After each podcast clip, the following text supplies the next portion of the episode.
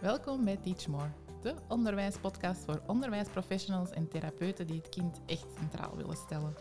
Wij zijn Gert en Carolien, twee experts in de ontwikkeling van kinderen die jullie graag inspireren met een portie ideeën, vernieuwde inzichten en theoretische achtergrond. Waardoor jij je passie voor onderwijs en kinderen weer helemaal voelt aanwakkeren en op maandagmorgen met bakken goesting uit je bed springt. Hallo en welkom bij een nieuwe aflevering. Vandaag nemen we de tijd om de puntjes op de i te zetten, naar aanleiding van een open brief die we deze week mochten ontvangen. Ja, de open brief die uh, geschreven werd op 14 november 2023, die uh, mocht ons ook bereiken. Op donderdagochtend uh, ging het nieuws hier rond als een vuurtje. plots kregen we van overal berichtjes en um, ja, Nele was hier eigenlijk om les te geven. Mm -hmm. En zij vertellen ons ook dat het in de Facebookgroep en in de WhatsApp-groep van de kinesisten, dat het eigenlijk ook als een laaiend vuurtje rondging. Dus um, ja, we ja. kregen ze zo van overal te horen. Hè? Ja, en we voelen direct ook dat, we, dat wij het ook belangrijk vinden om dingen te gaan nuanceren en in het juiste perspectief te plaatsen. Want ja, die leerkracht die dag in dag uit met passie voor de klas staan, die willen we ook wel een hart onder de riem steken. En even ja, verduidelijken, waar gaat dit eigenlijk over? Ja, nu we zijn niet direct in de actie geschoten. Nee. We hebben onszelf even de tijd gegeven, um, sowieso om de dagdagelijkse en geplande dingen te doen. Want het is toch ook niet zo dat wij hier zitten te wachten op zo'n open brief of om te reageren op zo'n brief. En uh, we hebben alles eigenlijk uh, laten bezinken. Het mocht natuurlijk ook zo zijn dat ik net die dagen uh, aan het lesgeven was over de welbesproken methodes. Dus um, tijdens het lesgeven mocht ik eigenlijk ook al gaan inoefenen van uh, hoe zit dat hier eigenlijk, uh, wat, wat wij te vertellen hebben en wat mensen die eigenlijk wat verder van die methodes afstaan, wat zij ervan schrijven. Dus uh, van daaruit hebben we eigenlijk gekozen om te reageren met dit ideale medium, onze podcast. En blijven we bij hoe dat we het normaal ook zouden aanpakken. Hè? Absoluut, want daar gaat het eigenlijk over, over een helikopterview over de situatie en om iets genuanceerd in kaart te brengen. Dat ja. is hetgeen dat we vandaag in deze aflevering willen gaan doen. En van daaruit ontstaat deze genuanceerde, professionele en vooral waardevolle podcast die wij jullie willen bieden om een antwoord te geven op deze brief. Ja, want alleen een open brief of een artikel in de media, zeker een artikel in de media, ja, dat schiet gewoon ongelooflijk tekort. Dat is jammer. Dan wordt er vaak alleen een titel gelezen, want heel veel artikels kun je eigenlijk niet helemaal gaan open doen, want die zijn alleen voor abonnees, hè, dus die kunnen alleen die, mail gaan of die brief gaan lezen. Die titel is natuurlijk gemaakt om zoveel mogelijk lezers te krijgen. Voilà. Die is ook niet gekozen door de mensen die een open brief hebben geschreven. Nee. Dus wij willen wel graag gaan kijken van, oké, okay, wat staat daar effectief in? Wat kunnen wij ermee en wat kunnen wij jullie gaan bieden hieruit? Ja, dus ten eerste willen we jullie eventjes meenemen naar die open brief. Wie dat hem schreef, wat dat erin staat en wat het doel is van deze brief. Nu, we hebben het al een paar keer genoemd. Het is een open brief, dus als er voldoende interesse is van jullie kant, kunt je hem ook altijd gaan opzoeken. Hij is vrij te raadplegen door iedereen. Daarom is het een open brief. Dus uh, ga zeker zelf lezen wat er eigenlijk allemaal in die brief staat. Hè. Nu, um, als we even gaan kijken wie dat die brief geschreven heeft. Uh, dat is eigenlijk, uh, hij is ondertekend door een groepje van professoren. En hij werd dan ondertekend door een zeventigtal experts uh, in het gebied van kine en beweging eigenlijk. Nu, um, wat daarin staat, dat, um, dat is eigenlijk ja, dat ze waarschuwen. Ze waarschuwen voor het gebruik van pseudowetenschappelijke behandelmethoden, zoals Bodymap, Brain Gym, reflexintegratie, zoals INPP. Dat zijn er uh, drie wat ik eruit haal. Er stond nog een vierde bij. Nu, het zijn die drie wat hier toch wel uh, binnen het schoolonderwijs het meest bekend zijn en het meest gangbaar zijn. Dus die wat we er ook eventjes gaan uitpikken. Die we gaan uitlichten, inderdaad, waarom dat wij die er ja, belangrijk vinden om die in beeld te brengen. Hè? Ja. Nu, ja, het doel van deze brief, Mm, ja, in de brief wekt men de indruk dat het doel van de brief bestaat uit de bezorgdheid van de ontwikkeling van kinderen en het, stellen van laattijdige diagnoses. Ehm, hier gaan we zeker later nog op terugkomen, want hier hebben we ook wel heel wat op te zeggen. Maar we gaan ons even nu focussen op het doel dat zij hè, met een open brief willen meegeven. Ehm, in een interview daarover hè, met een kine van het COW's blijkt die bezorgdheid ook echter te bestaan over de, de te besteden middelen in het onderwijs. Wat eigenlijk iets helemaal anders is. Ja, nu, dat is zeker ook terecht dat ze daar uh, zich zorgen over maakt. Want um, zij geeft eigenlijk aan dat er een beperkt aantal budget is binnen het mhm. onderwijs. En dat is, dat is waar. Dus ja, uh, de bezorgdheid is zeker terecht op dat gebied. Maar ze is dus bezorgd dat die middelen uh, dat die eigenlijk schaars zijn en dat die dan naar niet wetenschappelijk onderbouwde methodes, behandelmethodes, ja, behandelmethodes, ook ja. een belangrijke. Nu, ik ga die side note hier even al tussenin gooien. Uh, het is een van de laatste keren geweest dat jullie ons um, die term in de mond horen nemen. Dus de brief heeft het over pseudo-wetenschappelijke behandelmethodes, waaronder de drie voorgenoemde um, ja, methodes. Wij noemen deze methodes gewoon methodes. Want vanaf nu, um, ja, en ook, uh, het is wij, wij noemen ze gewoon niet behandelmethodes, dus we gaan die term ook verder niet gebruiken. Mhm. Ik denk dat het ook belangrijk is om onszelf even kort voor te stellen voor we verder gaan in deze podcast. Van wie zijn wij en waarom hebben wij hier iets over te vertellen? Of waarom willen wij deze kans gebruiken om hier iets over te vertellen en om dat in een genuanceerd licht te stellen? Ja. Ga jij starten? ik wil gerust starten. Um, ja, ik, ik neem aan dat er eigenlijk heel wat luisteraars zijn die ons al kennen. Want het is niet onze eerste podcast natuurlijk. We, we zien in onze luistercijfers dat we al heel wat luisteraars hebben, trouwe luisteraars ook. Um, ja, dus er, is een, er zijn podcastafleveringen over onszelf, waar dat we ook vertellen over onszelf. Nu, we nemen ook aan dat deze aflevering toch ook wel geluisterd zal worden door een aantal mensen die ons nog niet kennen. En van daaruit, um, ik ben Caroline. Uh, ik ben paramedisch geschoold. Ik ben uh, afgestudeerd als ergotherapeut. En ik ben mij eigenlijk uh, gedurende de tijd tussen mijn afstuderen en het hedendaagse, heb ik mij eigenlijk altijd bijgeschoold in zowel klassieke behandelmethodes um, als eigenlijk in andere behandelmethodes. Een open blik dus eigenlijk. Ja, ik heb een open blik. Um, daarnaast heb ik ervaring opgedaan uh, binnen en buiten onderwij onderwijsinstellingen in het werken met kinderen. Dus um, zowel eigenlijk in het bijscholen als in uh, mijn ervaring heb ik altijd mij gericht op, uh, op kinderen. Nu, um, ik zeg je al net, het, de klassieke behandelmethodes, daar ben ik in gaan bijscholen. Maar ik heb dus ook mijn diploma, heet dat dan, als uh, facilitator in uh, Brain Gym. Dus um, wat wil dat zeggen? Dat wil eigenlijk zeggen dat, um, dat ik de basis van Brain Gym mag uh, verkondigen aan leerkrachten en andere geïnteresseerden. Dus dat is onderaan de ladder. Van, dus er zijn ook nog instructors die wat dan verder gaan daarin. Um, ik uh, heb daar de basis in. Ik ben ook geschoold in INPP, dat is een reflexintegratie. En uh, daardoor eigenlijk uh, de dagcursus eerst bewegen, dan leren, die mag ik ook doseren. Nu, ooit volgde ik ook een basismodule van Bodymap. Daar ben ik niet in verder geschoold, dus daar zullen we het vandaag ook niet over hebben. Ik denk dat zij um, ook zelf uh, de medium, mediums hebben om daarop te reageren. En ik zag ook al een brief passeren.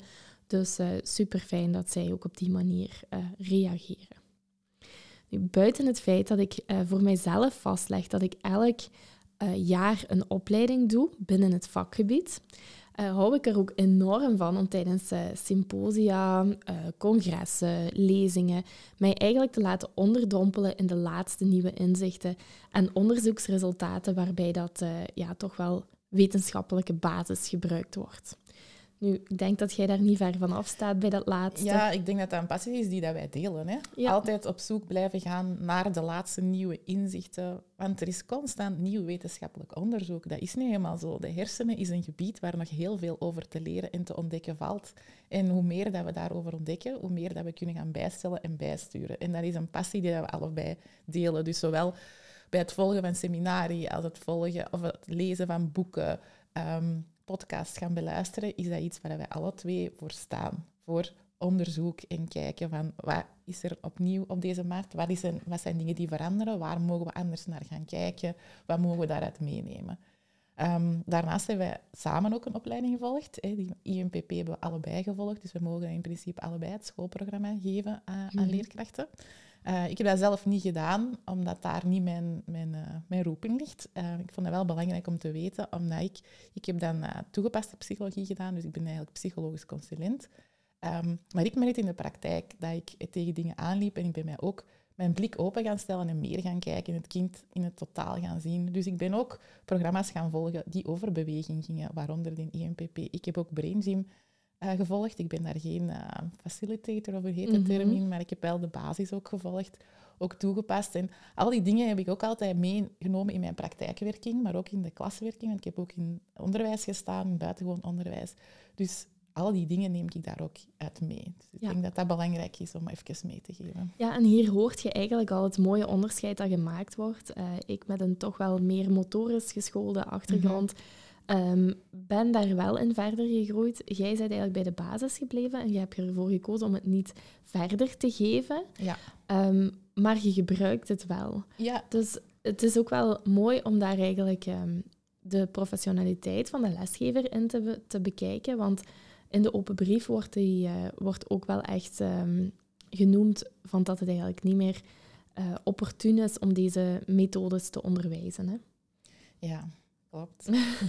ja. Um, ja, en uh, dat brengt ons dan bij Teach More. Hè. Samen staan wij voor de visie van Teach More en maken we bepaalde keuzes.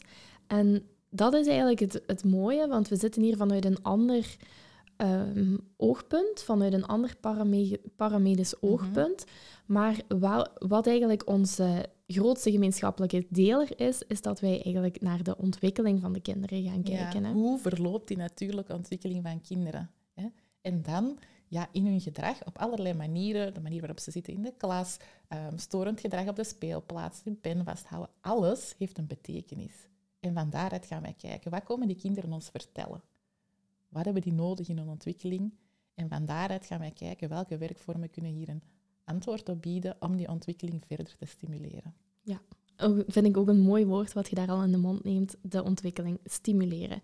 Dus uh, om hier al heel eventjes uh, kort door de bocht uh, toch iets te gaan uit de wereld te helpen. Deze methodes lossen niks op.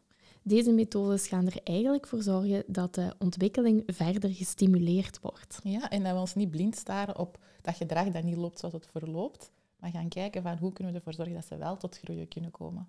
Ja, klopt. Binnen Teach More is het ook voor mij heel belangrijk, uh, hetgeen wat jullie net hoorden, uh, we geven of we hebben dezelfde opleidingen gedaan en toch kiezen we er niet voor voor zomaar allemaal die, ehm, die opleidingen ook door eender wie te gaan geven. Dat vind ik heel belangrijk binnen waar. Teachmore. Ja. En dus, dat wij ook gewoon een verscheiden team hebben met allemaal hun expertise. Ja, tot daar wou ik komen. Dus iedereen uh, geeft hier eigenlijk binnen zijn expertise de, de opleidingen, de themadagen, en die, die zijn ook gestaafd. Dus uh, iedereen wat, wat eigenlijk is verder gegroeid binnen een opleiding, die heeft wel de correcte basis om die bepaalde methode ook met een kritisch oog te bekijken. Want een themadag, uh, als je die bij ons komt volgen, dan gaat je ook regelmatig horen hoe dat wij ze in de praktijk net toch iets anders aanpakken, hoe dat we um, hoe dat we het aanbieden aan ouders, hoe dat we het aanbieden aan kinderen. En dat zijn die praktische dingen die je alleen maar kunt uh, doorgeven wanneer dat je een methode ook echt doorleefd hebt. Absoluut, daar staan we voor gewoon. Ja. Dus tot daar willen we even komen om ons perspectief hier duidelijk te maken. Nu, ik wil vandaag het graag ook hebben over waarom hebben wij gekozen om te reageren. Want er waren eigenlijk zowel punten waardoor dat we zouden kiezen van we reageren niet op die brief. Want uiteindelijk is die niet per se naar ons gericht. Mhm. Ehm, maar er waren ook punten waarom dat we wel zouden reageren. En ook die overweging geven wij jullie vandaag heel graag mee in deze podcast. Ja, waarom zouden we niet reageren? De brief ja, wordt eigenlijk vermeld dat aan lesgevers of aanbieders van methoden zijn die claimen dat ze leerstoornissen zouden genezen of voorkomen, ja, dan voelen wij ons absoluut niet aangesproken. Nee. Um, eender wie, en dat is ook het mooie, want uh, ik zeg, uh, de brief heeft ons eigenlijk donderdagochtend bereikt. Um, dinsdag heb ik nog uh, de themadag Eerst bewegen, dan leren gegeven. En de mensen die daar aanwezig zijn, zijn gewoon ook de getuigen dat wij zelfs voor deze brief niet claimen dat wij leerstoornissen op zouden lossen, maar dat wij zelfs heel duidelijk zeggen, kijk, leerstoornissen zijn er. En als die er zijn, dan gaat niets per se dat genezen of dat, um, dat oplossen. Maar we gaan wel het stukje dat, um, dat door een onrijp zenuwstelsel, dat eigenlijk eruit kan groeien, dat kun je wel gaan stimuleren. En dat is dan zo mooi dat ik eigenlijk die kans heb gekregen deze week um, voor heel kort op elkaar, dat, uh, dat dat eigenlijk sowieso een overweging genomen wordt. En dat is iets wat wij allemaal doortrekken. Ja, het maakt zelfs niet uit in welke vorming dat je het geeft. Hè. Uh, ik heb het deze week nog over executieve functies gehad en dan heb ik hetzelfde gezegd eigenlijk. Wat dat de rode draad is voor alle kinderen, dat we daar alle kinderen mee helpen, maar dat dat losstaat van diagnoses. Ja. En dat je juist een antwoord kunt geven op kinderen met diagnose in de klas, maar dat dat die diagnose niet gaat oplossen. Dat zijn twee compleet verschillende dingen. Dus dat dus, willen we wel even duidelijk stellen. Ja, daar komen we zelfs ook nog op terug. Maar um, het is dus zo dat we in dat gebied ons eigenlijk helemaal niet aangesproken voelden. Nu, dat, uh, dat is eigenlijk wel het laatste wat we willen meegeven. Hè? Eigenlijk zo op een pedagogische studiedag, in onze themadagen.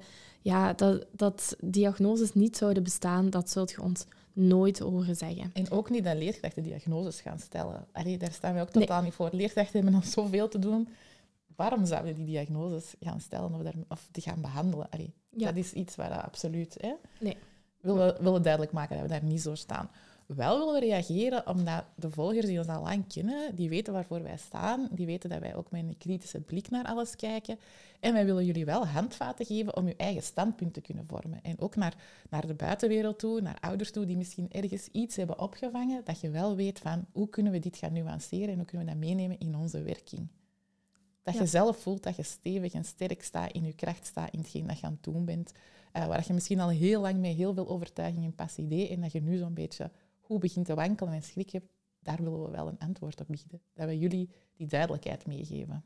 Ja, ik vind ook, um, wat ik belangrijk vond aan het reageren, was ook um, zo'n brief dat roept heel vaak uh, verdeeldheid op. Uh -huh. um, je gaat uh, heel erg uh, voorstanders hebben en heel erg. Ja. ja. je gaat polariseren. Um, ik wou het woord niet in de mond nemen, mm -hmm. maar dat is wel wat ik bedoel mm -hmm. uiteindelijk. Uh, je krijgt voor- en tegenstanders en dat is ook heel jammer. En waarom ik wil reageren is omdat wanneer dat we naar het doel van die brief gaan kijken, is eigenlijk dat die experts, die professionals, die uiten hun bezorgdheid over, het, over de ontwikkeling van de kinderen. Die willen eigenlijk dat die ontwikkeling van de kinderen, dat, die, ja, dat hetgeen wat zij brengen, dat dat ten goede komt daaraan. Nu, wij, en dan heb ik het in wij als, um, ik bedoel de lesgevers van de gebekritiseerde methodes en de schrijvers van die brief en de ondertekenaars van die brief, we hebben eigenlijk een gemeenschappelijk doel. Alle partijen hebben, zo blijkt, hè, uh, prachtige intenties om goed te doen aan de ontwikkeling van kinderen. Ik ken geen enkele paramedici of leerkracht die met hart en ziel het, het beroep uitoefent en daarbij ter goeder trouw methodes gebruikt, die wat hier bekritiseerd worden, die dat zouden doen ten onkoste van die kinderen. Ja. Dus ons doel is uiteindelijk gemeenschappelijk. Laten we ons daarop houden. Ja, en dat is ook belangrijk om mee te nemen. Iedereen doet dit om goed te doen, om die kinderen verder te laten ontwikkelen en juist alle ontwikkelingskansen te bieden die hen kunnen verder laten groeien. Ja, ook een mooie aan die, um, aan die bekritiseerde methodes vind ik persoonlijk de ouderparticipatie. We hebben het hier erover dat kinderen um, niet in een, in een donkere kamer een half uur kine komen volgen en daarna niks wordt gedaan. Bij deze methodes wordt eigenlijk beroep gedaan ook op de ouders om die oefeningen thuis te gaan doen. En we hebben het eigenlijk over hele eenvoudige motorische oefeningen waar dat geen kosten aan verbonden zijn, die wat we gewoon stimuleren om bewegingen te doen. En we, we nemen de ouders daarin mee. Dus eigenlijk creëren we ook een heel mooi moment uh, van samenwerking en samen zijn tussen ouders en kinderen. Mhm. Dus dat uh, vonden we toch ook wel belangrijk om mee te nemen hier om te reageren op deze brief. Nu, er zijn wel een aantal punten die we in overweging te nemen hebben. Hè. Ehm, het klopt dat er voor de methode specifiek geen wetenschappelijk bewijs is, of onvoldoende wetenschappelijk bewijs zijn. Hè. De onderzoeken die gedaan zijn, zijn vaak met een kleine normgroep vanwege financiële budgetten. Ja, dus eigenlijk het puntje wat we hier in overweging nemen, wat wordt aangehaald in de brief, is dat er geen wetenschappelijk bewijs is, Mhm. of dat die methodes zouden staven op verouderde inzichten. hè. Mhm.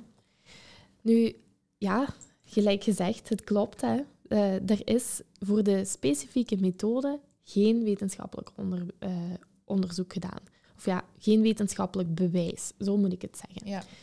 Ehm, ja, die kostprijs van wetenschappelijk bewijs, hè, dat gaat heel vaak over grote groepen, gezegd net. En meestal is het een kleine normgroep. Ehm, moeten die groepen groter zijn om eigenlijk tot, tot een, een gestandardiseerde conclusie te komen?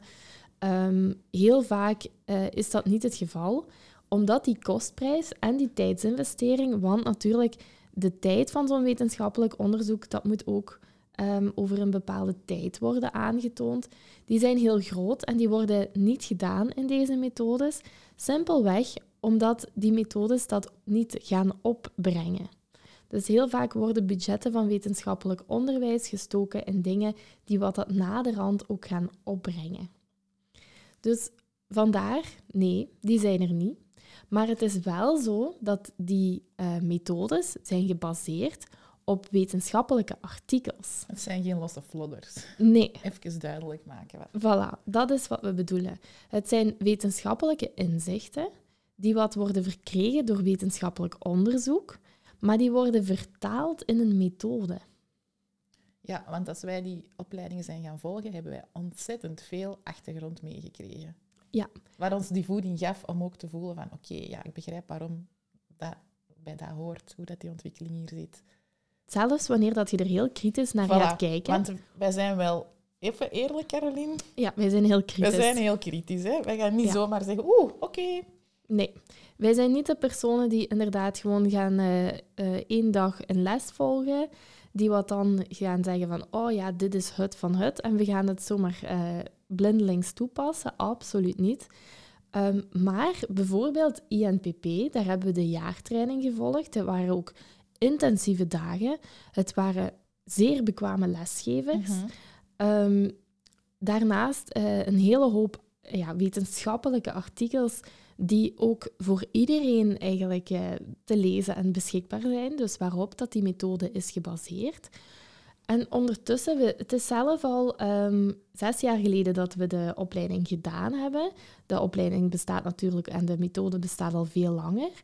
Maar dat instituut wat achter de reflexintegratie INPP zit, is dagdagelijks bezig met nieuwe artikels te screenen die ook te raadplegen zijn. Ja, en het team of de ja, andere collega's die mee aan het volgen waren, ook daar zaten allemaal professionals waar wij heel veel mee uitgewisseld en besproken hebben. Heel veel kines eh, uit het werkveld, osteopaten, logopedische psychologen. En dat vond ik ook wel fijn gemerkt, dat dat wel mensen zijn die weten waar, waar het over gaat. Ja, En ook daar konden we mee uitwisselen en bouwden we verder op. En ik denk dat de lesgevers ons ook nog wel herinneren met onze kritische vragen. En, en, en, dus ja, Ja, dat klopt. Dus Voilà. ehm, ja, zeker waar. dus die onderbouw zit daar wel. Dus het is, ik wil graag dat jullie meenemen, ehm, als jullie iets meenemen uit deze podcast, dat jullie meenemen dat de methode aan zich niet wetenschappelijk onderbouwd is, maar ze staaft wel op wetenschappelijke inzichten die dan vertaald zijn naar een dagdagelijks in te zetten methode. Dat is eigenlijk wat er is gebeurd. Er is een vertaling gemaakt. Ja. En ja, Gelukkig maar, hè, Ja. denk ik dan. ja, want eh, ja, ik ken eigenlijk geen eh, leerkrachten die eh, in de databank van wetenschappelijke artikels, meestal moet je daar ook nog heel veel voor betalen als je niet Mhm. aanhangt aan een hogeschool of afhankelijk bent van een hogeschool, moet je voor die, die databanken heel wat betalen. Ehm, ik ken eigenlijk geen leerkrachten die eens gaan zeggen, ah, nu ga ik eens eh, tussen de wetenschappelijke artikels lezen eh, wat ik vandaag moet gaan doen in mijn klas. Ja, en even heel eerlijk, waar zouden ze die tijd vinden? Ik denk dat er al genoeg op hun bordje ligt. Hè? Ja. En hier komen we eigenlijk ook bij het stukje ehm, waar dat die twee werelden samenkomen. In deze Mhm. brief komen naar mijn inziens twee werelden samen. We hebben enerzijds de wereld van de schrijvers en de ondertekenaars. En dan heb ik het over ehm, die wetenschappelijke paramedische wereld. En we komen er beide uit. Mhm. Wat zegt u de term evidence-based? Ja, ja. Ja, op zoek gaan en werken, ja, dubbel hè. Je wilt gaan zoeken naar antwoorden en naar bevestiging. Eigenlijk binnen die paramedische wereld is het zo dat we eigenlijk op zoek zijn naar evidence-based materiaal. Voor de mensen die eh, niet uit deze wereld komen en eh, daar naar luisteren, dat is eigenlijk wetenschappelijk onderzoek. Dus we gaan iets doen aan de hand van iets wat bewezen is. En zo werken wij in onze paramedische wereld. Anderzijds gaat het hier over de onderwijsinstellingen. Ik durf te zeggen dat die niet zo evidence-based zijn. Absoluut niet. En dat we zelf heel erg achteraan de feiten lopen. Hè? Ja, heel vaak gaat het eh, daar sowieso over verouderde inzichten soms. Eigenlijk, het onderwijs is een verouderde instelling met alle respect. We kunnen niet anders, maar als we gaan kijken, lopen we daar ach- achter de feiten aan. Ik denk zeker dat eh, wanneer dat we binnen de bedrijfswereld onze ogen gaan openen, dat we ehm, ja, tot de conclusie komen dat de vaardigheden die we binnen een modern bedrijf nodig hebben, dat die niet per se onderwezen worden in de onderwijswereld van nu. Nu, ik denk ook dat we daar in een andere discussie En terecht gaan ook, komen. ja, en daar hebben we ook al wel regelmatig over verteld en in meegenomen. Hè? Ja, zeker weten. Nu, die onderwijswereld, eh, om daar even terug te komen op dat evidence-based stukje. Belangrijk is dat ja, die mensen die daar dagdagelijks staan, dat we die toch ook wel het vertrouwen mogen geven, want die hebben toch wel met heel wat dingen te dealen in hun klas en doen, geven eigenlijk het beste van zichzelf om te komen tot waar ze nu komen. Ja, iedereen heeft altijd iets te zeggen over onderwijs en leerkrachten. En we vergeten dat die mensen ook allemaal een opleiding hebben gehad, dat die elke dag voelen waar dat de noden zitten en dat die echt wel weten wat die aan het doen zijn. Dus dat we die niet zomaar even hè, onderuit moeten halen, maar juist in hun kracht zetten van wat jullie doen, is echt goud waard. Ja, en binnen de ontwikkeling van die kinderen Absoluut. zien we ook gewoon dat beweging en dat dat een minder en minder stukje wordt. Dus eigenlijk is het gewoon al super dat die dat in hun klaspraktijk willen meenemen.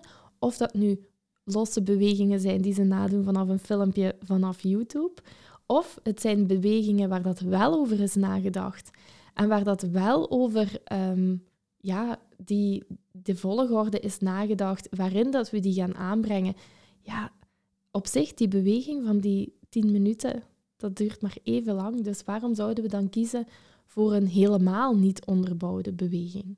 Ja, absoluut. Als je weet waar het over gaat, waarom zouden die kans dan niet gaan grijpen? Want het is heel duidelijk dat de verschuivingen in de maatschappij, dat we die ook terugzien in het onderwijs natuurlijk. Kinderen die dat heel, of heel weinig eh, bewegingskansen hebben gehad en daardoor ook heel erg achterlopen in hun ontwikkeling op alle vlakken. Ja. Als we gaan kijken, kun je ook dezelfde vraag stellen. Waarom zijn er zoveel kinderen niet zindelijk voor ze naar school gaan? Die komen allemaal in die klas terecht. Waarom zijn er zoveel kinderen die niet kunnen stilzitten? Waarom zijn er zoveel kinderen die een heel moeilijke concentratie hebben?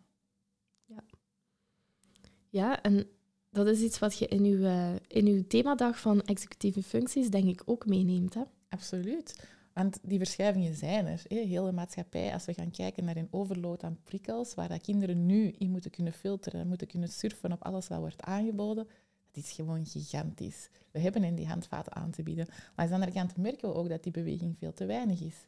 En we weten dat die beweging nodig is. Dus je ziet nu kinderen die niet kunnen stilzitten, die eigenlijk te weinig gericht hebben bewogen om hun ontwikkeling door te maken. En kinderen die vol stress en onrust zitten. En daar hebben leerkrachten nu mee te dealen. En hebben die ook antwoorden en handvaten nodig. Ja. En dan kunt je je afvragen, wie is dat eigenlijk wat uh, nu zegt van dat beweging eigenlijk niet oké is? Waarom, of waarom zou die motivatie bestaan om eigenlijk die beweging zo in twijfel te trekken? Want het is net beweging wat eigenlijk, als we doorheen de rode draad gaan kijken, doorheen de methodes die worden aangehaald, gaat het eigenlijk gewoon over oefeningen, motorisch bewegen eigenlijk. Dus wie kan daar eigenlijk iets op tegen hebben? Ja, en dan gaat dat inderdaad aan de slag, want je geeft hem de kansen om groter te gaan bewegen, maar je zorgt ook voor die rust in die hersenen die nodig is om te kunnen groeien en om verder te ontwikkelen. Rust die dat er nu in deze tijd, kijk naar jezelf, brood nodig is. Rust is het grootste punt dat we kinderen nu kunnen geven om te kunnen verder gaan ontwikkelen. Ja, absoluut. We hebben daar uh, professor uh, Erik Scherder, mhm. die, um, die spreekt zelfs um, van eigenlijk een nieuwe pandemie. Al een heel tijdje spreekt hij daarover. En die pandemie is stilzitten. Dus hij heeft het net, hij, do, hij doet er alles aan, is ook een professor. Mhm. Die onderbouwt ook zijn theorieën wetenschappelijk. En hij wil graag zoveel mogelijk beweging in dat onderwijs krijgen. Zet zijn schouders onder bepaalde um, um, ja, strategieën om kinderen te laten bewegen. Dus zelfs binnen die wetenschappelijke wereld zijn er ook uh, verschillende kampen aan het komen. Ja, en ik kan mij ook niet inbeelden dat degenen die de brief hebben geschreven niet staan voor bewegen. Nee, dat kan ik mij ook niet voorstellen. Dus ik denk dat daar ook nog gewoon heel wat onwetendheid zit over wat zijn die methodes precies en wat gaan jullie daarmee gaan doen in het onderwijs. Ja, en ik was eigenlijk van plan om dat tot het einde te houden, maar ik nodig ze echt oprecht uit. Kom eens luisteren met een open blik. Ehm, kom eens naar, kom eens naar zo'n zo'n themadag. Het is, maar, het is een investering van, van vijf en een half uur. Kom eens luisteren wat we daar vertellen. En misschien gaan ze daar dan helemaal anders uh, zelfs mee om of uh, tegenover staan. Want ik blijf erbij dat wij eigenlijk een gemeenschappelijk doel hebben. Absoluut. Ja. Dat wordt nu niet gezien, want als, we hebben het nu gehad over die bewegingsprogramma's, maar als je kritisch gaat kijken naar andere methodes, uh, vakken godsdienst die gegeven moeten worden, methodes van ja. lezen, rekenen... Ja. Hier, hier mocht je zelfs niet zo snel over gaan. Uh, je noemt het nu heel snel, maar in het stukje evidence-based, waar dat we het over hebben, hè, die twee werelden die elkaar ontmoeten, en we gaan eens kijken naar die methodes. Want er wordt aangehaald, ja, um, de de middelen zijn schaars. Ja. Um, dus we moeten ze niet steken in, in pseudowetenschappelijke methodes. Nu, wanneer dat we gaan kijken naar bijvoorbeeld godsdienst, je haalde het hier net aan. Um, ja, katholieke scholen moeten bijvoorbeeld investeren. En dan heb ik het over een investering. Het is niet altijd de grootste investering in geld, maar ook investering in tijd. Want er pedagogische wordt, studiedag? Ja, een pedagogische studiedag. Die tijd kan ook niet aan iets anders besteed worden. Um, in hoeverre hebben we wetenschappelijk bewijs over een godsdienst? Ik denk niet. Dat is een mooie stilte wat hier kwam. Ik hoop dat je ze allemaal benut hebt om eventjes na te denken. Nu, over die uh, godsdienst wil ik zeker niet verder uitweiden, want dan komen we ook weer in, in een nieuwe discussie. Maar je noemde daar, Stefan, ook uh, leesmethode, schrijfmethode, rekenmethode. Wel, bekijk die eens kritisch. In de één methode beslist iemand, de auteur of de uitgeverij, dat het, hoeft zelfs niet iemand te zijn met een wetenschappelijke achtergrond. Even terzijde. Nee, helemaal niet. Want als je gaat kijken wie bepaalde methodes soms schrijft, je zou het hele grote ogen kunnen trekken wat eigenlijk die zijn achtergrond is. Niet allemaal. Hè. Ik hoor, eh, je hoort mij hier niet veralgemenen. Maar in de ene methode kiest iemand ervoor om met het woordje ik te beginnen schrijven. En met het, in een andere methode beginnen we bijvoorbeeld met het woordje mol. Waar is de, de wetenschappelijke onderbouwing om met een woord te beginnen. Ja, en de opbouw van de letters.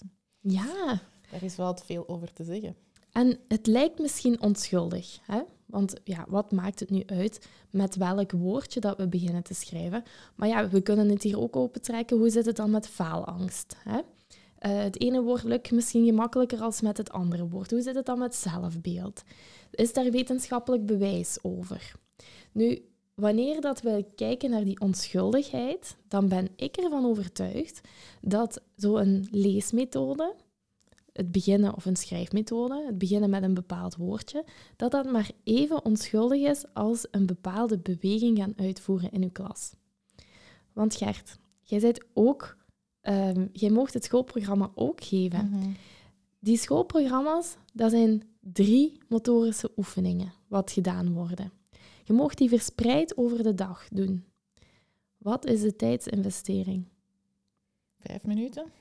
Ja. Zoiets? Een vijf tot tien minuten. Hangt een beetje vanaf van uw klasgroep, klasorganisatie, hoe groot uw klas is, maar niet meer als dat. Om Dus we hebben het hier over wetenschappelijk bewijs, over een bepaalde oefening van 5 à 10 minuten per dag. Ja, momenten waar dat kinderen op moeten zitten wachten om hun jas aan te doen of hun boekentas te maken, kunnen bijvoorbeeld al ingevuld worden met die tijd. Dus Je neemt mij de woorden uit de mond. Ik heb eh, dinsdag nog het voorbeeld gegeven. Deze oefening kunnen jullie doen als jullie staan te wachten aan het toilet.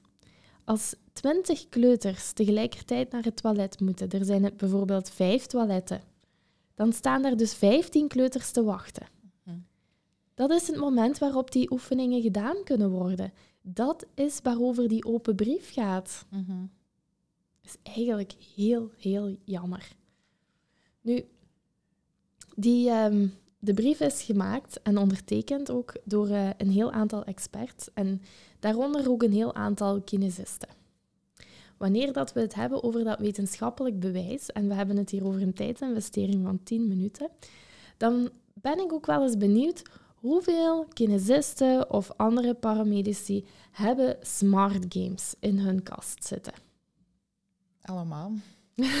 Toch zeker degene die met kinderen werken. Hè? Absoluut. Ik ga er ook vanuit, als je met kinderen werkt, heb je smart games in je kast zitten. Waarvoor gebruik je dat? dat en je hoort mij goed zeggen, smart games zijn goed, hè. Die oefenen bepaalde vaardigheden, executieve functies, logisch denken, planning, organisatie, noem maar op. Dus zeker goed voor smart games te gebruiken in mijn ogen. Ehm, heel vaak worden die als afsluiter gebruikt, 10 minuutjes of zo. Het zijn dezelfde 10 minuten, hè? Gert, is er wetenschappelijk bewijs dat een smart game goed is om in te zetten? Niet dat ik al heb eh, tegengekomen. Het kan altijd hè, dat ik er al over heb gezien, maar ik heb het nog nergens teruggevonden. Ja. Ik zou ook niet inzien waarom dat je dat zou, tijd zou insteken. Sorry. Nee. Maar dat is hetzelfde principe.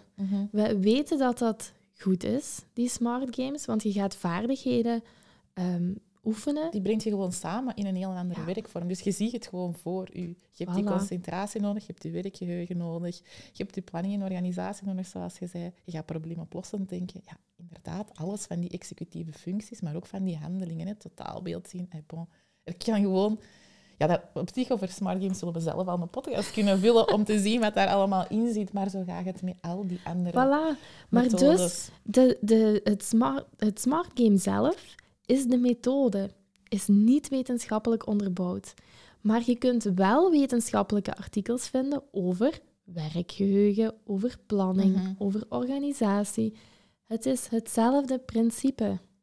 Dat hoop ik jullie vandaag echt mee te geven en die kritische blik te openen. Ja, omdat je ook wel terug in vertrouwen komt van waar dat je mee aan het werken bent. En niet alles, wordt dan, allee, niet alles hoeft gewoon te verdwijnen, omdat er iets wordt over gezegd. En dat willen we wel meegeven. Ja. Van, je bent iets aan het doen en er is echt wel een reden waarom dat je dat aan het doen bent. En je Inderdaad. bent goed bezig. Punt.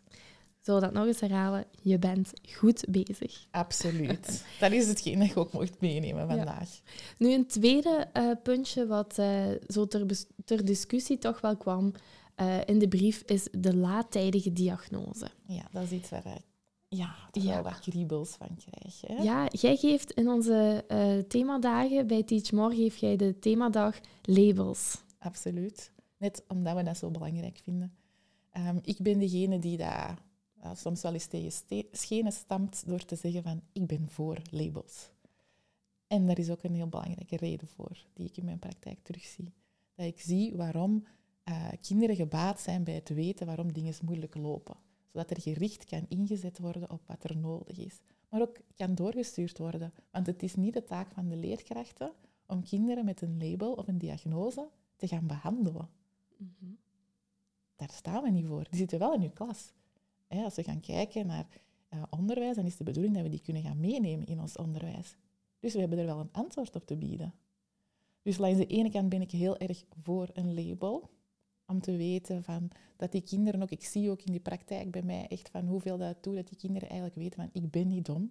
Ja, dat is eigenlijk een stukje psycho-educatie Absoluut. Helemaal. Als we gaan kijken naar dat zelfbeeld, en als je altijd tegen dingen aanloopt die je niet kunt en er wordt niets mee gedaan en jij weet niet waarom dat je niet kunt, wat doet dat met een zelfbeeld? Een zelfbeeld die je heel je carrière gaat meenemen. Ja. Ik heb altijd zonder label dat, maar gewoon, ik kon niet mooi schrijven. Dat is een beeld dat ze mij in het begin hebben meegegeven en je hebt er niks meer mee gedaan. Dat gaat gewoon ten koste van, ja, hè, je gaat er niks meer mee doen. En dat is het belangrijke, dat als we dingen gaan benoemen en in Mhm. perspectief gaan zetten, dan kunnen we daar inderdaad via psycho-educatie met het kind, de ouders, omgeving gaan werken. Kunnen we tools gaan aanbieden van wat er effectief nodig is. En dan wordt daar extern ondersteund.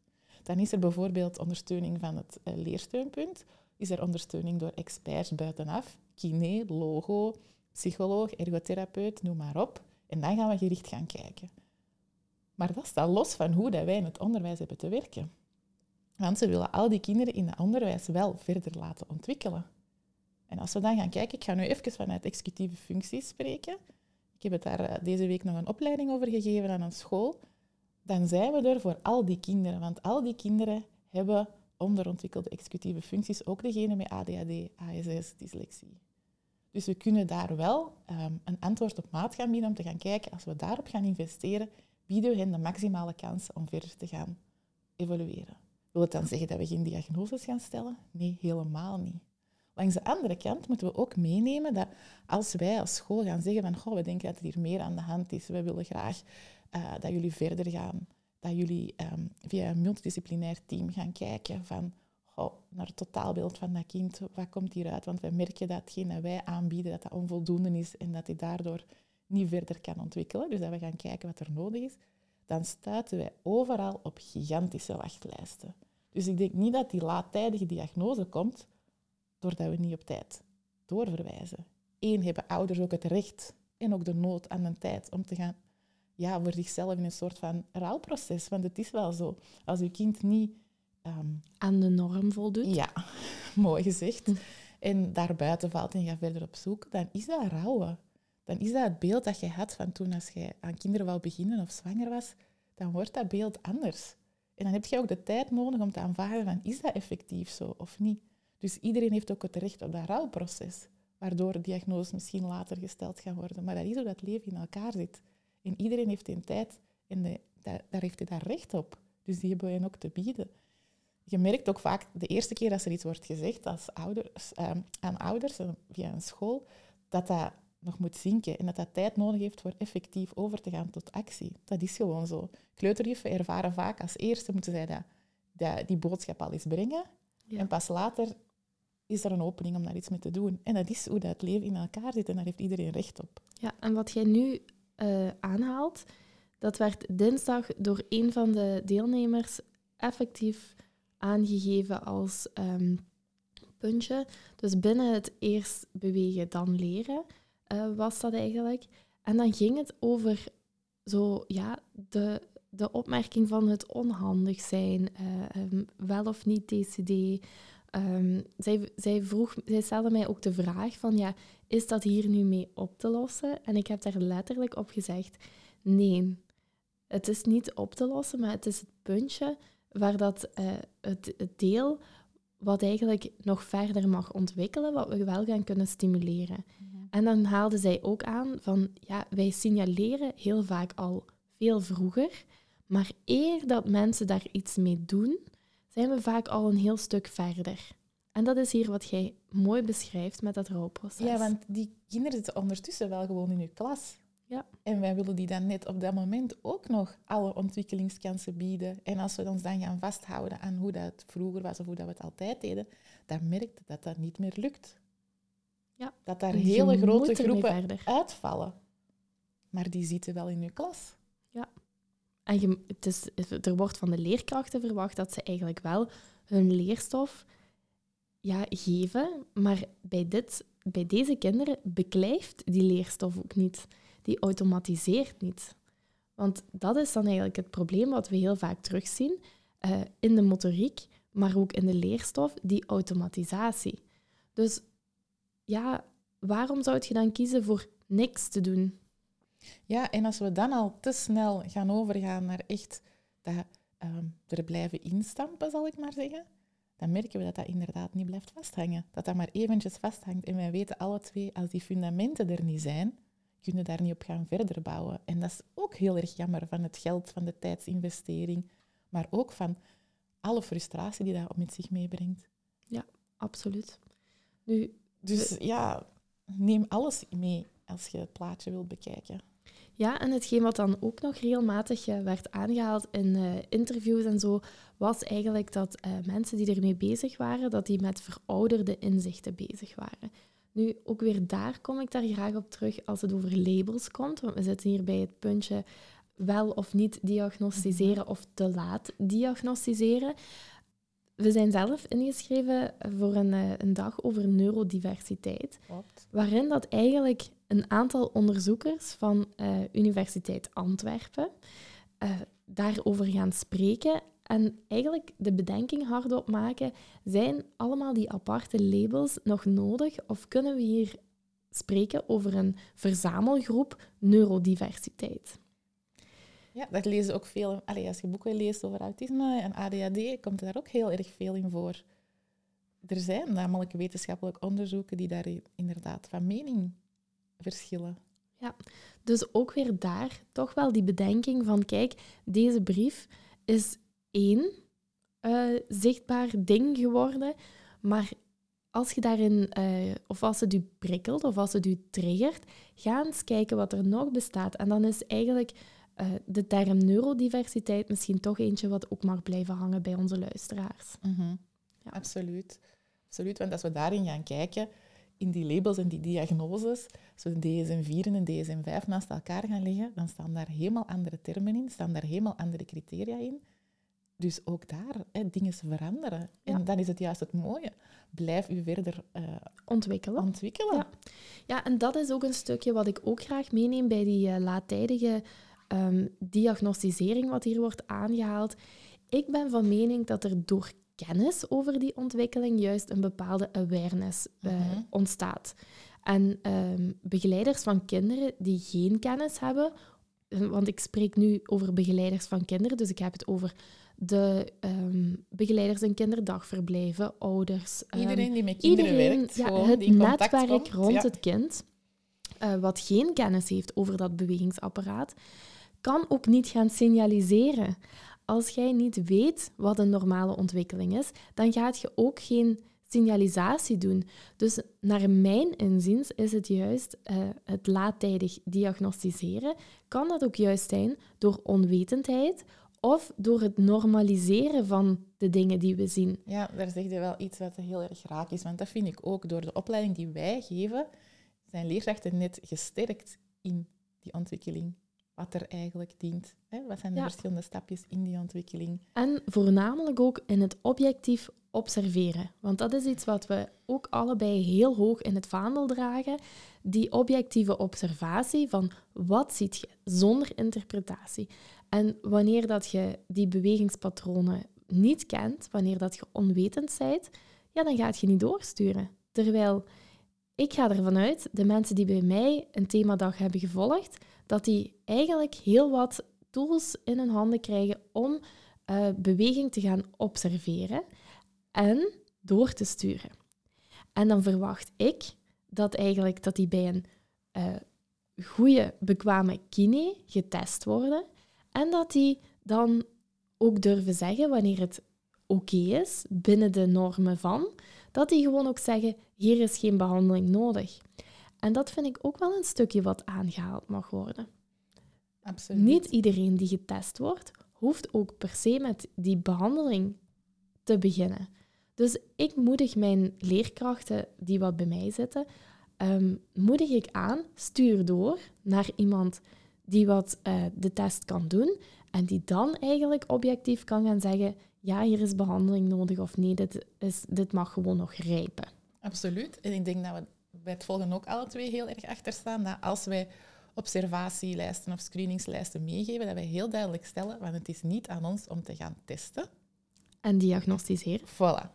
Dat zeggen we daar ook bij in elke workshop die wij geven, meerdere keren. Dus dat wij geen diagnoses gaan stellen, dat wij inderdaad gaan observeren en dat lijsten of screeningen daarbij wel soms een handvat kunnen geven als je daar net nieuw in bent op wat moet letten, dat je het totaalbeeld mee hebt. Maar daar stopt het. We gaan daar geen besluiten uittrekken, we gaan daar geen behandelingsplannen... Geen rapporten over maken. Nee, dat is niet geen dat we te doen hebben. Wel gaan signaleren aan ouders, dit is wat wij zien.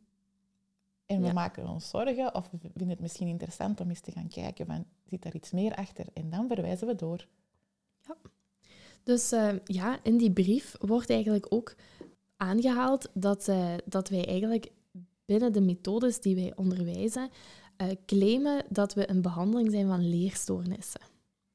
Nu, natuurlijk heb je niet in de hand wie wat doet met de opleiding die ze zijn komen volgen.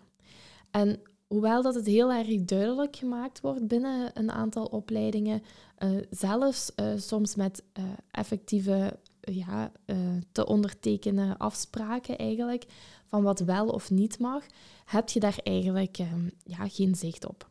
En hierbij wil ik dan ook heel graag die bedenking maken, ook weer om het kritisch te gaan kijken als we dit stukje gaan opentrekken, zo het claimen van de behandeling van leerstoornissen, um, dan heb ik zoiets van, ik ben er zeker van als een geschoolde pediatrische kinesist bij mij de opleiding komt volgen over eerst bewegen dan leren of over brain gym, dan ben ik ervan overtuigd dat hij voldoende academische kennis heeft om kritisch met die methodes om te gaan. Buiten de kritische blik die ze van mij al hebben erbij meegekregen. en dat ze dat eigenlijk perfect als uh, aanvulling kunnen gaan inzetten in hun praktijk. En dat ze eigenlijk die behandeling, die, die wat ze al geven, dat ze die mooi complementair kunnen maken. Daar zegt je zoiets. Complementair. Ja. Daar gaat het over, hè? Het gaat erover, het kan perfect naast elkaar bestaan. Nu, wat met mensen die wat deze opleiding komen volgen zonder paramedische achtergrond? Daar heb ik mijn bedenking bij. Want dan komen we bij de termen coach en therapeut. Binnen België zijn er geen richtlijnen over die termen of het gebruiken daarvan. Dus eigenlijk een ervaringsdeskundige, een heel mooi woord voor iemand die gewoon eigenlijk eh, geen scholing heeft gehad, maar wel in een situatie heeft gezeten. Of um, een ouder van, of gewoon iemand met voldoende interesse die zin had om een boek te lezen en die daar nu mee aan de slag wilt, die kunnen zich een mooi gouden plaatje laten drukken als je geld erin investeert. Dat is eigenlijk het mhm. enige wat je moet investeren. Um, dan drukken die zich een gouden plaatje en daar staat op therapeut of coach in.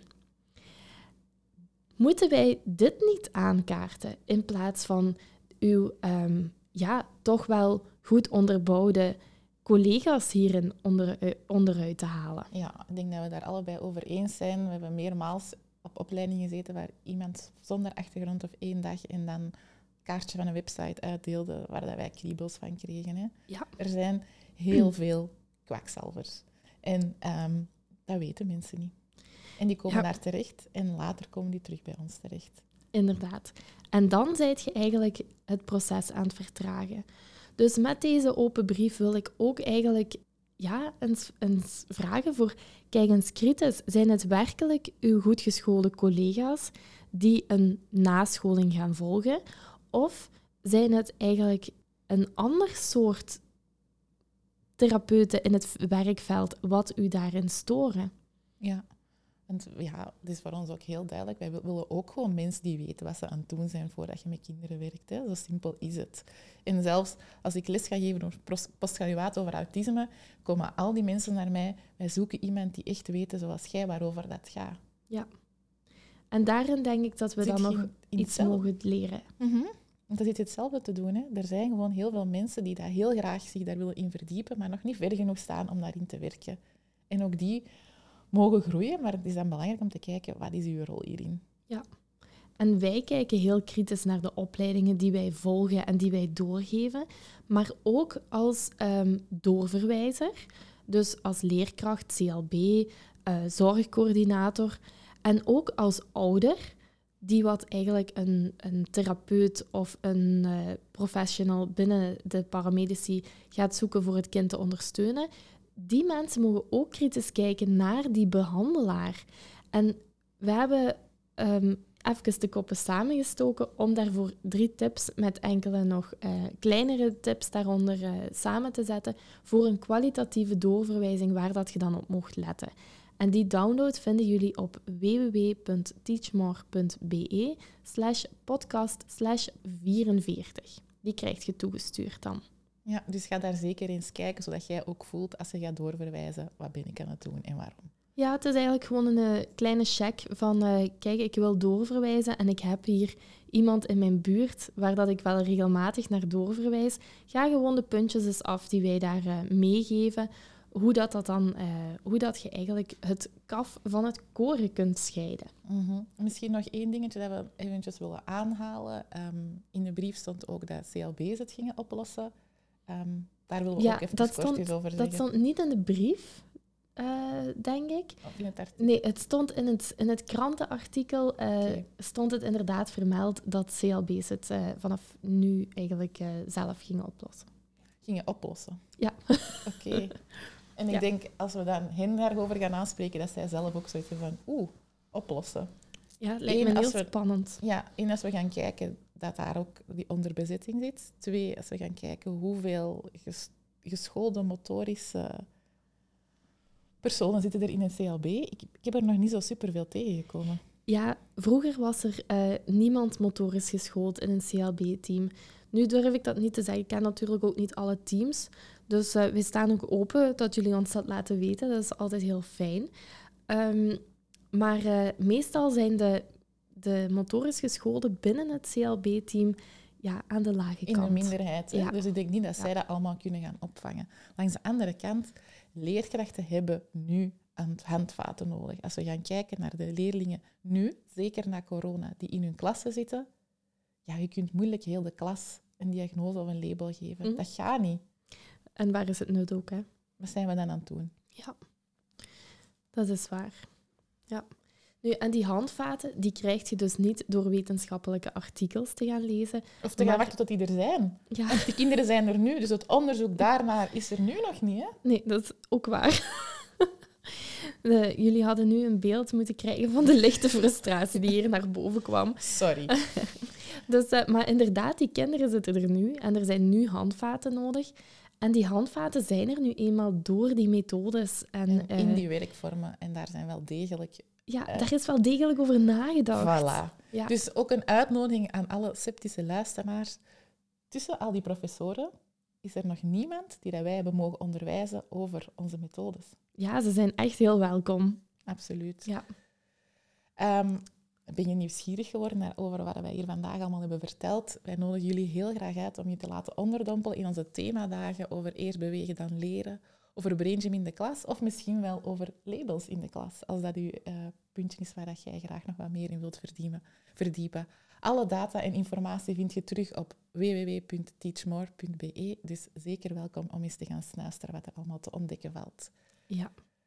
Nu, we willen ook wel echt eindigen met... Hey, het is oké. Ja, om een andere mening te hebben dan een collega. Ook als dat zelfs een meerdernis is, zeker als dat een meerdernis is. Het is in het leven nooit zwart of wit. Ja, en wij hopen hier toch wel echt grijs te hebben getoond. Hè? Ja, dat is ook hetgeen dat we die kinderen willen meegeven. Het hoeft niet zwart of wit te zijn. We kunnen perfect naast elkaar bestaan. Meer nog, verschillende opinies verrijken net ons leven. En Ja. dat durven we wel eens te vergeten. En ze kunnen ook perfect naast elkaar bestaan. Hè? We hebben het hier al... Het woord is complementair. Absoluut. En eh, daar willen we naartoe. Nu, en ook wanneer dat het overweldigend voelt, dan is het ook wel goed ja, dat voor even te beseffen, oké, het overvalt mij. En misschien zaait het ook wel wat twijfel. Mhm. je bent net begonnen aan... Uh, ik kan me voorstellen dat de, de deelnemers van dinsdag hebben misschien die, deze brief gelezen. En misschien ook helemaal niet, want ik, uh, ik merkte donderdag uh, dat ik misschien toch ook wel een van de, een, van de weinige lezers was van die brief. Dus het is natuurlijk ook hoe meer dat je ermee bezig bent, hoe meer dat het u raakt. Maar als in de media plots zo'n negatief bericht verschijnt over die methode die wat jij net hebt gevolgd of waar dat je al jaren overtuigd van bent, um, het is oké om je even overweldigd te voelen. Ja, en dan willen wij er voor jullie zijn, hè, want je doet dit niet alleen. Wij willen jullie echt heel graag ondersteunen door nu vandaag een genuanceerde podcastaflevering op te nemen die je kunt delen, die je kunt laten beluisteren. Een aflevering waar de puntjes op de i worden gezet. Een genuanceerd beeld. Dus een heel duidelijk kader wat je wel en niet mocht verwachten van deze werkvorm. Ja. En je hebt het daarnet ook uh, mooi gezegd. We willen ondersteunen en we willen dat niet alleen, we doen dat ook. En uh, zo is er ook onze Happy Teacher Talk. Dat is onze wekelijkse mail die we uitsturen, waarin dat we het hebben over um, methodes, maar ook over kritische blikken, over de dingen die leven in jullie onderwijs. En ook daar ondersteunen we jullie ook graag. En die vinden jullie ook terug op www.teachmore.be. Dus om in het kort te herhalen, onze download vinden jullie terug op uh, www.teachmore.be slash podcast slash 44. En alle informatie vinden jullie door door te klikken. Dus ga gerust eens door de site klikken. En wij zien jullie heel graag terug in onze locatie in Herentals. Ja, en dankjewel om mee deze kritische blik op te nemen. Dat vinden we heel fijn, dat leerkrachten dat ook dat standpunt innemen. Absoluut. Deel hem gerust, want daarvoor hebben we hem gemaakt. Veel plezier en geniet van jullie werkdag.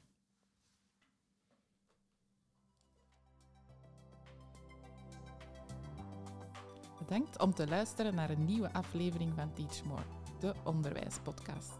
Vond je deze aflevering waardevol? Laat het ons dan weten door een review achter te laten in de podcast-app waarmee je deze podcast luisterde. Blijf je graag op de hoogte van nieuwe afleveringen? Abonneer je dan op deze podcast en je ontvangt automatisch een berichtje wanneer er een nieuwe aflevering is. Wij delen ook dagelijks tips via onze social media. Je kan ons volgen op Instagram via teach more of op Facebook teachmore. Blijf je graag als eerste op de hoogte van al onze nieuwtjes? Schrijf je dan in voor onze nieuwsbrief op www.teachmore.be. Daar vind je ook ons volledig aanbod aan vormingen, workshops en teambuildings terug.